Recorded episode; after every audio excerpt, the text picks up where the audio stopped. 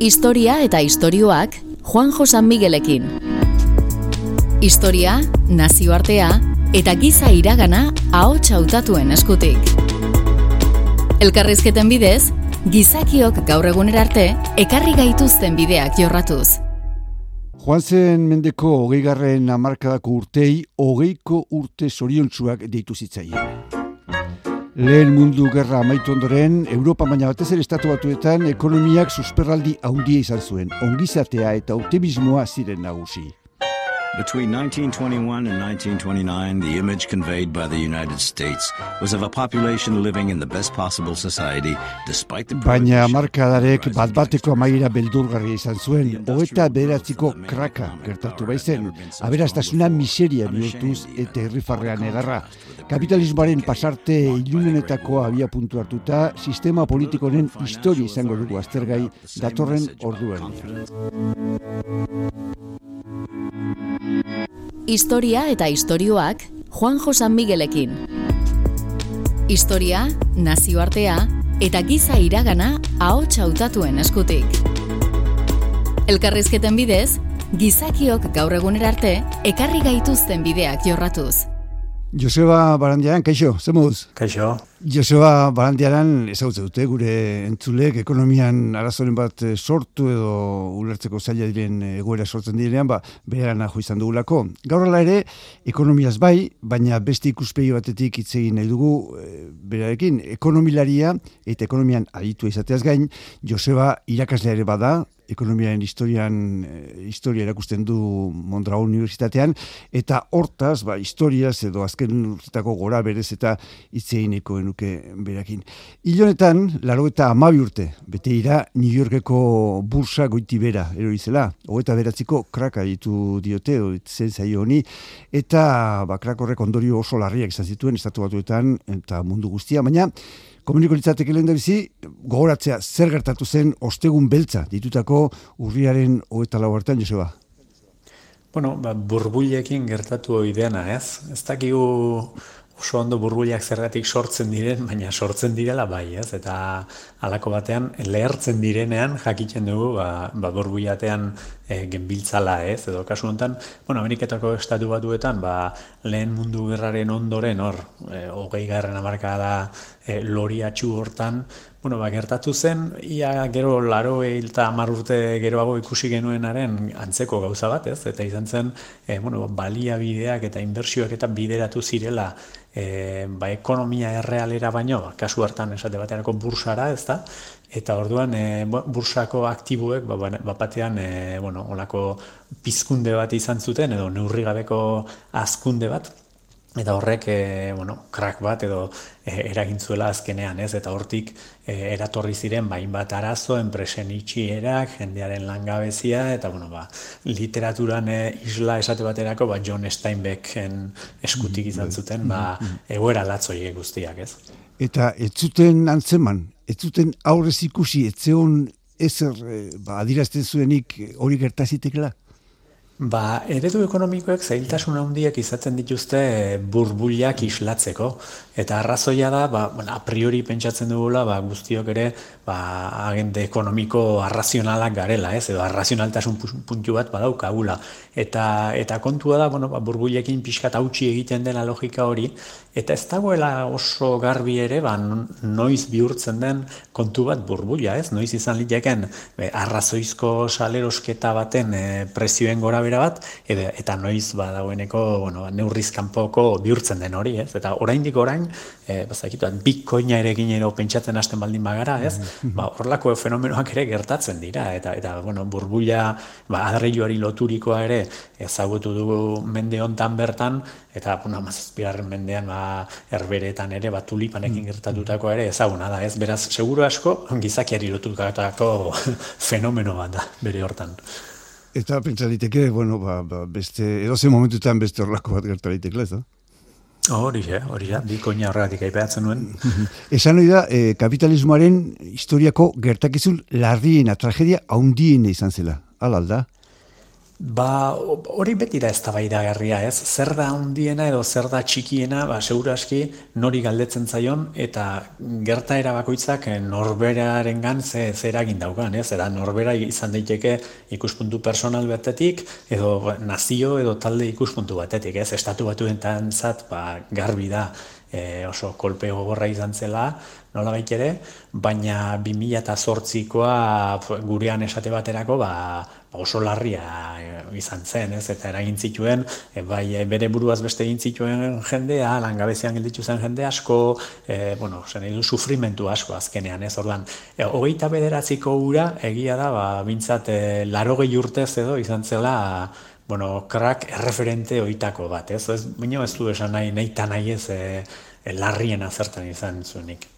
Normalean erreferentzi izaten da eta fin horako arazoak eta daudenean beti eta beratziko ura ipatzen da eta horretik ez da ura izan zen, baina esan duzun bezala segun eta nun ba, ba, diferenteko eragin izan dute. Kapitalismoa gaur egungo sistema ekonomiko ba, ia bakarra dela esan genezake, baina Joseba, zer da kapitalismoa? Noiz eta nola sortu zen kapitalismoa? Bueno, a ver, kapitalismoa desente aldatzen den eh, sistema ekonomiko bat da, ez? Hau da, e, bizpairu mendetania indarrean izan da, ba, hasi, ba, merkantilismotik, testatu liberala eta bar, industri iraultza eta e, guzti hortan presente izan da kapitalismoa, ez da? Lana eta kapitala kontra jartzen edo kombinatzen dituen sistema e, gisa, baina egia da, eraldatu ere egin dela, ez? Eta gaur gaurkoz, ba, zaintza kapitalismoaz ere aipatzen da, ez? Datuen garra garrantzia eta e, multinazional e, digital handi horiek guztiek duten garrantzia dela medio ez. Beraz, nik azpimarratuko nuke kapitalismoaren kasuan e, krisiak e, sortu eta gainditzeko duen gaitasun hori, eta, eta bueno, bizpairu mendean ba, nola eraldatu izan den, edo moldatu izan den, edo aldatzen joan den, ez? Nola esateko, eta hori da niretzako ezaguarrerik behinena. Esan duzu, Claro, gaur egun pentsatzen dugu ia e, sistema bakartzat edo dagoela, hogei garren mendeko mm -hmm. gerra hotzaren ostean nola baite komunismoari edo e, nausitu zitzaiolako, nola esateko, baina bestalde batetik, orain da momentua, eta Txina da horren erakusgarri nagusia, ba, ikusten duguna, e, beste modu bateko kapitalismoa edo, gainera, e, kasu honetan, politikaren menpekoa dena, eh? esango genuke Txinaren sistemaren akaso ezaugarri nagusia hori izan litekela, ez? Kapitalismoa ekonomikokita bai, neurri batean bai, baina era berean e, botere politiko nagusi bat, ez? Ekonomiaz gehi izakigunok, bau impresio askotan, eh, kapitalismoaren ezaugarri nagusiak, hau da, ez tegite, ba, jabego pribatua, e, aberastasuna pilatzea, eta lago kontuak, betidanikoa direla, ez da, gizakia gizaki denetik fiskat joera hori izan duela, ez? Ba, baliteke, baino egia da, claro, ezaugarri horiek ere, ba, e, aldatuz joan direla, ez? Lehen markantilismoa aipatzen nuen, eta horren, bazen garai bat, e, metal preziatuak pilatzea, lotzen zena, nolabait ere, aberastasunarekin, ez? Hau da, zer da aberatsa izatea, ez? Edo zer da e, jendeak pilatu nahi izaten duena, ez? Mhm. Eta, eta bueno, hori, garaian, garaian ere, ba, aldatuz joan diteken zerbaita, e, baina egia da, nolabait ere, gizarteak eraldatzen joan direla, une bakoitzeko balioien arabera, eta era berean e, teknologiak alde, albidetu duen arabera. Ez ekonomia beti da e, zer produzitzen duen gizarte batek e, norentzat, hau da, nola banatzen duen, e, ekoizten den hori guztia, eta hirugarren hanka beti teknologia da, ez? Eta teknologia ere asko aldatu den enean, ba, nik uste dut kapitalismo mota ezberdinak ere e, agertu direla, ez? Eta orain daukagun, ba, garai digital hontan, e, ba, kapitalismoak ez du zer ikusia hundirik, ba, industria arekin, ez? Esate baterako. Horixe galdetu nahi zuen, kapitalismoa ez da bat eta bakarra, sistema ekonomiko horretan, ba, beste beste sistema politiko ezberdinak ere garatu izan dira, eh, ez da zeintzu dira kapitalismo ezberdin horiek edo ze zaugarri dituzte, edo nola definituko ze dituzke? Bueno, nik definituko nuke, a ber, garai batean, eh, Europarrak Amerikara iristearekin batera eta pixka bat eh, estatu nazioak eh, gaur egun ezagutzen ditugun moduan edo sendotzen hasia ala, ba, iritsi zen e, nolabait ere industri iraultza, ez? Eta hor bai ikusten da, bueno, landa ere mutik askatzen den jende kopuru handi bat, e, irietara edo intzat e, produzio industrialera e, lerratzen dena, ez? Eta hor bapatean hasten da horrelako garapen zera bat, ba, ondasun berri asko ekoizteko gaitasuna ekarri zuena, ez? Eta horre e, sorkuntza destruktiboa edo deitzen dioten e, kapitalismoak bai eragiten du, bueno, pizgarri sistema bat nola ere, ba, enpresak eta ideiak ba, elkarren leian jardun daitezen merkatuan, ez? Eta hor, tartekatu dirien arren, ba, zenbait finantza krisi eta bar, egia da, ba, e, bueno, enpresen arteko leia horrek eta teknologiaren e, bilakabideak ba, ekarri gaituela ba, gaur egun e, ezagutzen dugun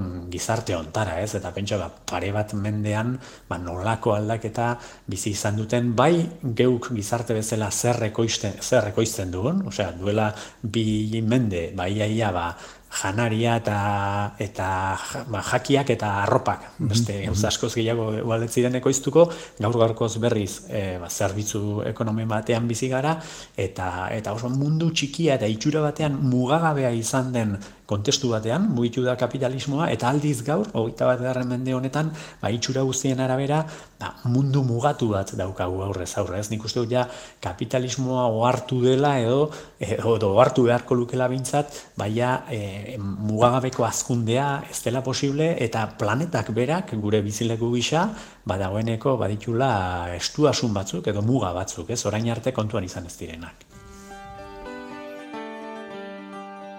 Historia eta istorioak aintzinakoak gogoratu eta gaurkotuz. I'm quite contented to take my chances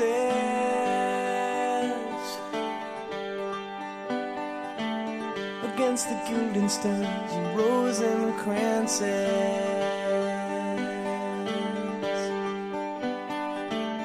It's a matter of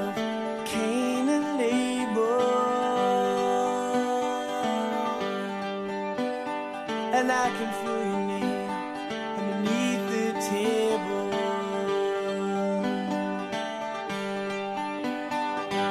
He does it dangle by the seraphim.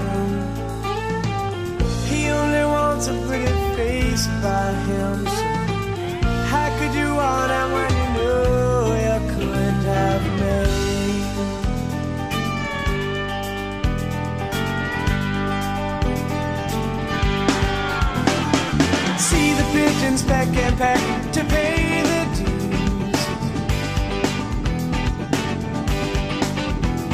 But that pack a little extra to reserve oh, that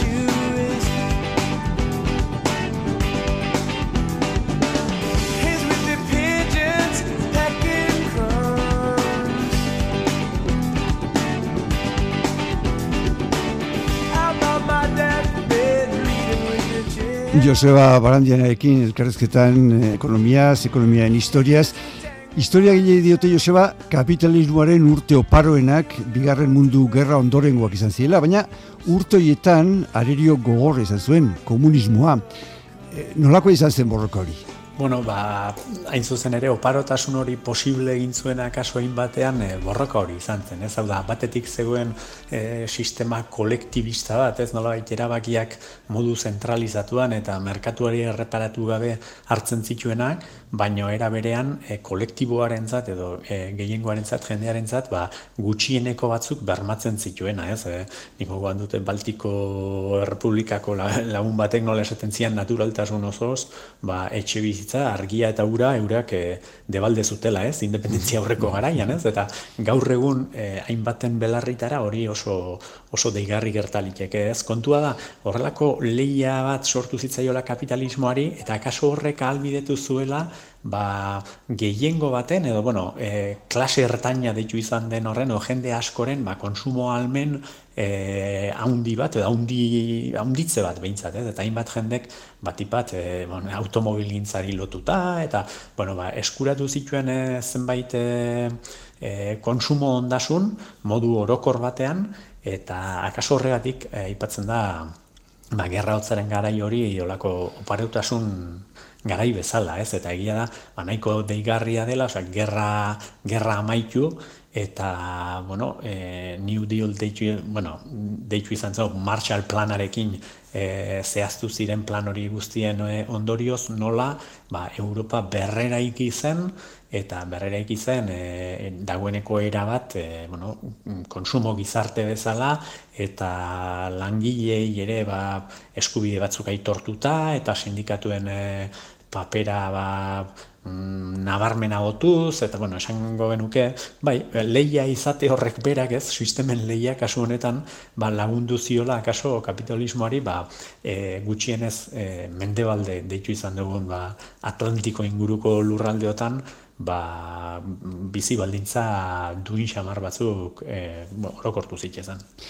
Hemengo kapitalismoak edo bueno, mendebaldeko sistemak izan alzuen, hobeto zen da, e, komunismoak izan alzuen aukeraren bat beste sistemak gaientzeko edo lehia hori irabasteko. Egon zen momenturen bat posibilizatzen hori? Ba, nire naiz berez historialaria, baina nintzek hori esaten e, ausartuko, hau da, egia da, eta, bueno, Kuba askotan jartzen da horren lekuko ez, mm-hmm. nola osasun gintzan eta aurrera kada hundia egin zuen, teknologikoki ere espazioko gerran, ba, e, sesbek, ez, Republika e, Sozialista Sovietarrek eukizuten euren, e, bueno, e, puntu gaiena ere, ez, mm ba, laika txakurra orbitera bidalitzea, eta bar, baina iruditzen zait, em, kapitali, sistema kapitalistak edo e, mendebaldeko herrialdeek inungo momentutan ez zutela e, somatu benetan e, euren sistema olako arrisku handi batean zegoenik, ez egia da individualismoa sustatu izanak eta nola baiteko askatasun itxura batek eta bar, bazkenean ba, e, lagundu egiten duela edo momentu hortan akaso eolako borroka ideologikoan ere ba, ez zinemaren erabilera eta e, bueno, Amerikarrek azkenean euren e, kartak esango nuke neko ba, ongi jokatu zituztela, ez? Eta akaso, e, bueno, ba, e, Soviet batasunean eta bar, ba, barruko mm, bueno, batasun giro hori, ba, pizzatzera errexago joan zela nola esateko. Pero nik ez nuke esango arriskoan egon zenik mm -hmm. sistema kapitalistaren garaipena, naiz eta gaurko betaurrekoetatik begiratzen baldin badugun biztan da, ba, bazituela bere bere abantailak edo bere izateko arrazoiak, ez? Mm -hmm. garbi dago hori garren mendeko sistema ekonomikoen arteko lehia edo gerrori kapitalismoak irabazizula, baina komunismotik geratu alzegu zer?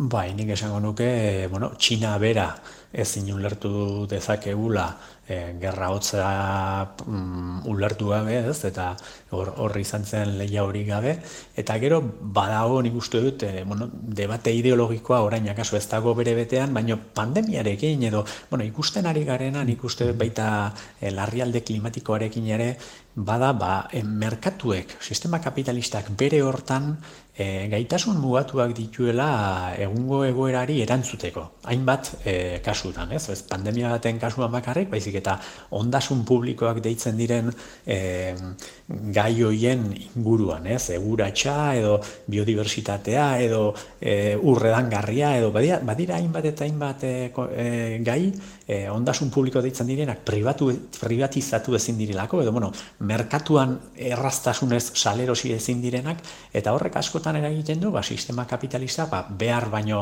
askoz kutsadura gehiago eragitea edo inork ez zaintzea ba, e, biodiversitatea, ez? Eta gero akasu gai horiek e, beharrezkoak dira.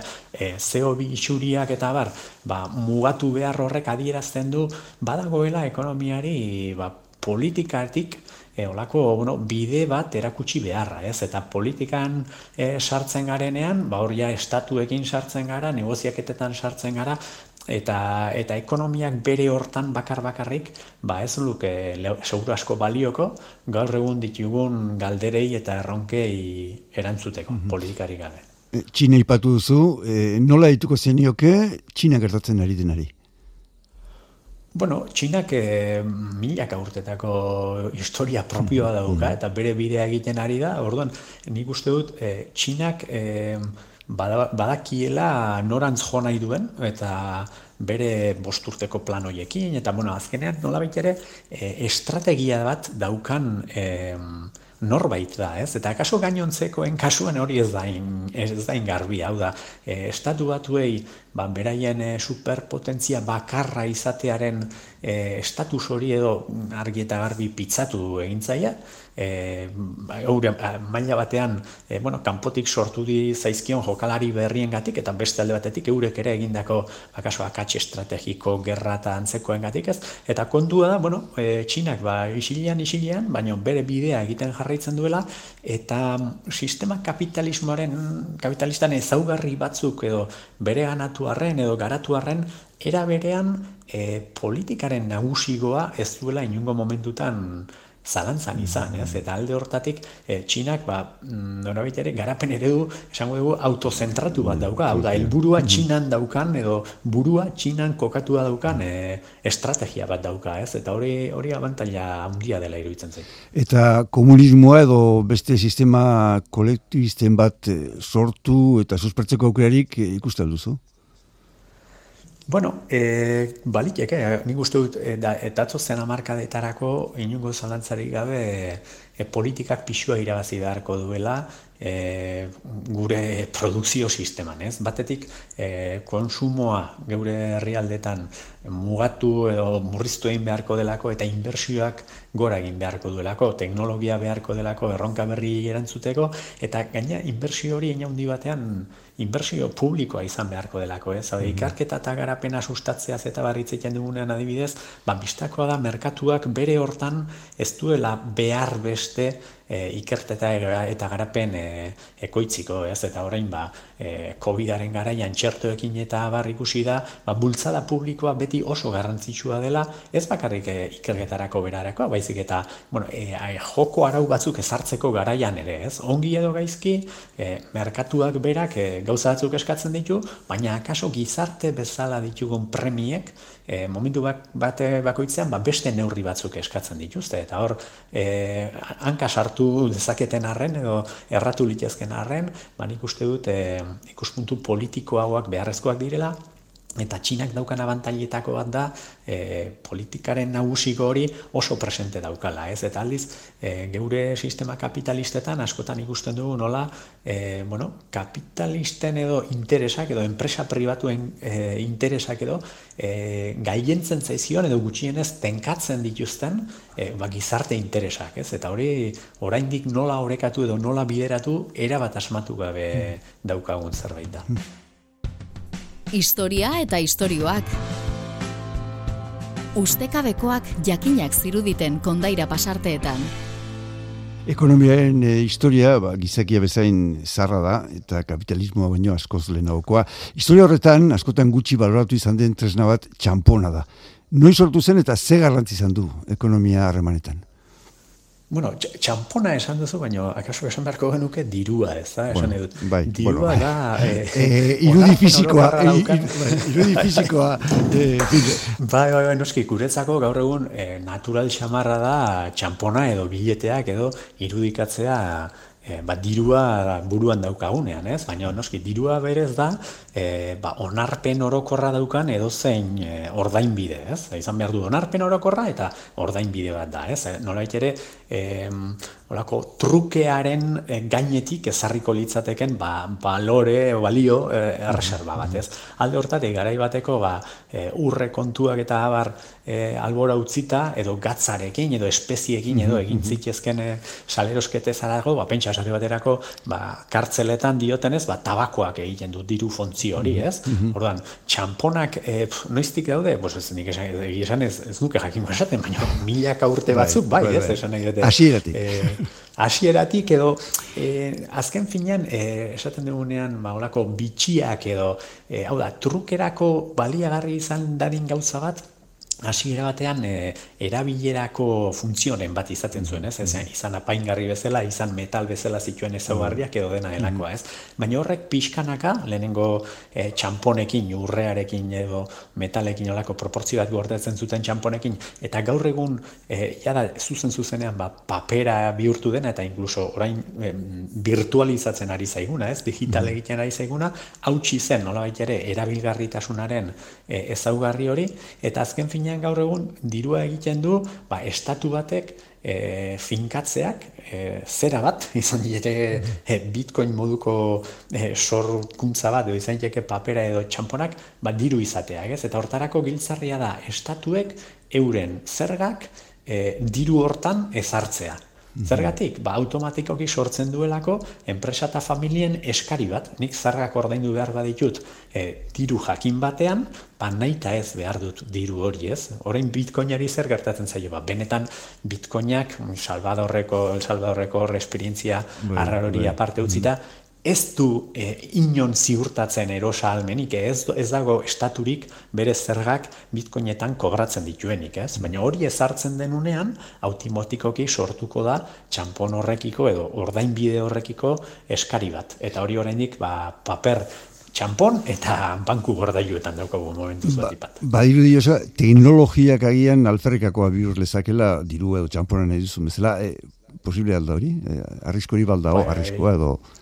Bai, bai, bai, bai. A ber, e, pandemiak zerbait erakutsi badu, izan da, e, bueno, txartelen erabilera, izan mm debito, edo izan kreditozko txartelen erabilera, ba, baita eguneroko jardun sinplenetarako ere, ez da, ogia erosteko, edo, edo erosten diren egunkari apurrak ordaintzeko ere, gaur egun, ia eskudiruaren e, erabilera, ba, geisten, geisten zijoan lehendik ere, eta pandemiak azkartu egin du berakada hori, ez? Beraz, diru fisikorik gabeko gizarte bat irudizka dezakegu? Nik uste dut, baietz, gaur sekula, baino e, gertuago dagoela. Gertatzen dena da horrek ere badituela bere ondorio batzuk, ez? Eta guztia digitalitzatzera eta guztia datu bihurtzera doak igun hortan, e, adibidez oso bistakoa da, eskudiruak ba, anonimotasuna laguntzen duela ez? Eta, eta guztia arrastoa utzi behar horrek, eta e, guztia e, gero jazarri edo bueno, jarraitu daitezken datu bihurtze horrek ere, ba, pixka bat, e, auskor edo egiten gaituela, da, edo zaurgarri e, bihurtzen gaituela, beste mota bateko jarraipen etarako. Hor, aipatzen da e, zaintza kapitalismoa, ez? Edo gaur egun, e, bankuek, kreditu txartelen bidez, gutako bakoitzari buruz dituzten e, datu guztiak eta datu horiek prozesatzeko almena, ba, biderkatu eginda, eta benetan oso erraminta potenteak izan ditezke, e, bueno, bai salmentarako, baino baita hori ez, jazarpenerako ere, eta inkluso e, algoritmo hondien bidez, e, konsumitzaileen e, manipulaziorako ere, ez? Azken mm. finean makina bat e, gai da aurresateko da konsumitzaile mota batek ze premia izango dituen edo ze joera izango dituen eta seguro asko hoiengan eragin egin dezake, ez? Beraz, eskudiruak e, ohartu edo ez, ematen zizkigun horrelako, bueno, askatasun gradu batzuk eta bueno, a ber, negozio e, beltzetarako ere atea ematen zutenak, ez? Ba, ez dakit e, droga asuntotarako eta holako legezkanpoko jardueretarako ere, ba, eskudiruak ba, zeuzkan bere abantailak oraingo txampon digital horien aurrean. Hmm. Mendebaldeko ekonomia edo garaipena lortu zen sistema ekonomiko horrek e, bere oinarria etengabeko konsumoan du. Baina itxuraz, lehen komentatu duzu, baliabideak mugatua dira, zein da ordezko aukera? Bueno, ordezko aukera da guztiok eh, barneratzea, ba, planeta ez dela infinitua, edo ez dagoela bi planet, ez? Egin gelesek esaten dute ez dago B planik, ez dago B planetarik, ez? Eta, eta kapitalismoak e, mende pare batez gutxienez, ba, oso nabarmena den bezala, jokatu du, eta jokatzen jarraitzen duen handi batean, ba, planetak mugarik ezpaluka bezala, ez? Eta aldiz, honek eragin dezake e, planeta bueno, ez bizigarri bihurtzea hainbat gizakiren zatze.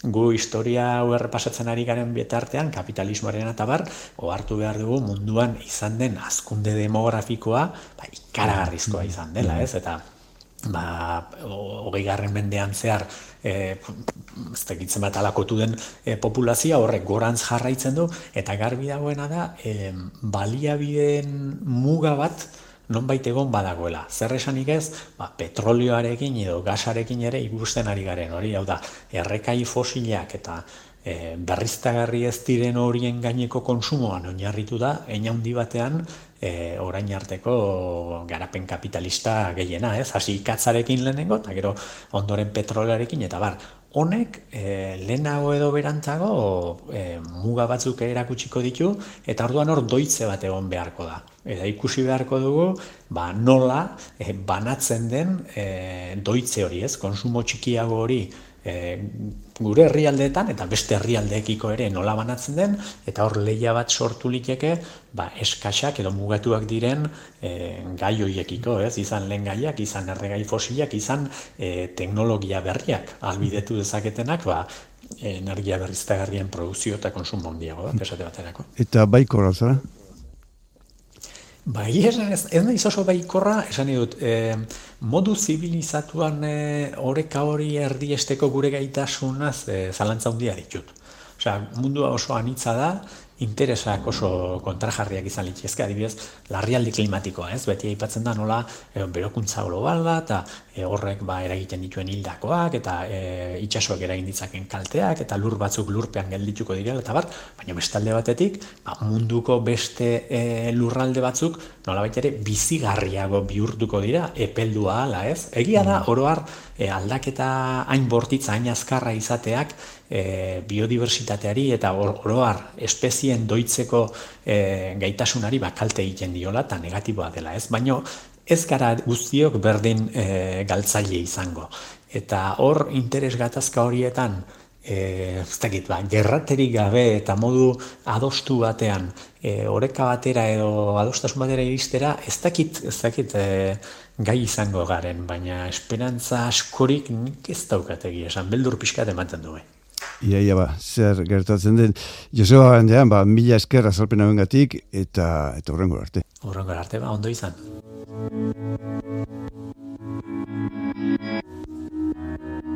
Historia eta istorioak. Historia, nazioartea, eta giza iragana ahots hautatuen eskutik. Elkarrizketen bidez, gizakiok gaur egunera arte, ekarri gaituzten bideak jorratzen